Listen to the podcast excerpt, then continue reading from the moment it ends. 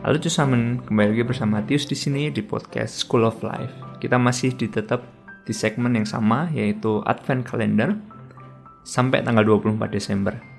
Dan di tanggal yang 16 Desember ini aku mau share satu quotes dari unknown dan nggak tahu siapa. Dan quotesnya adalah Work hard in silence. Let success make the noise. Sekali lagi, work hard in silence.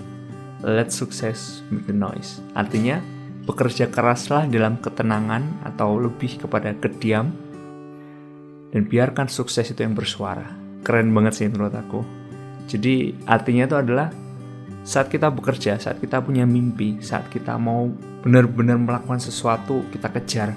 Dalam berusaha itu kita nggak usah terlalu banyak keluar-keluar gitu, nggak usah terlalu banyak cerita. Nanti saat kamu sukses, biarkan itu yang menceritakan kepada semua orang di sekitar kamu.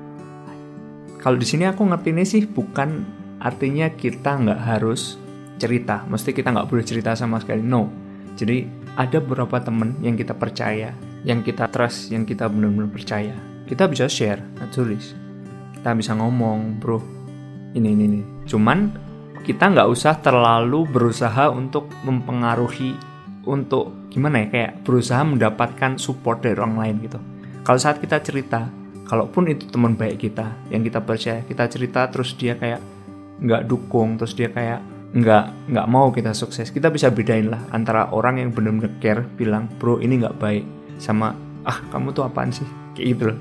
Kita bisa membedakan antara kritik sama cibiran antara orang yang mengkritik karena sayang atau orang mengkritik karena mencibir nggak mau kita sukses.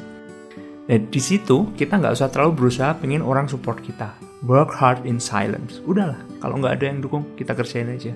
Selama kita nggak menentang hukum, kan? tentu saja. Nanti biarkan saat kita sukses, sukses itu yang bilang. Oke, okay, thank you for listening and aku berharap ini bisa jadi berkat buat kamu. Kita ketemu lagi hari besok ke tanggal 17 and never forget that you are very blessed. Bye bye.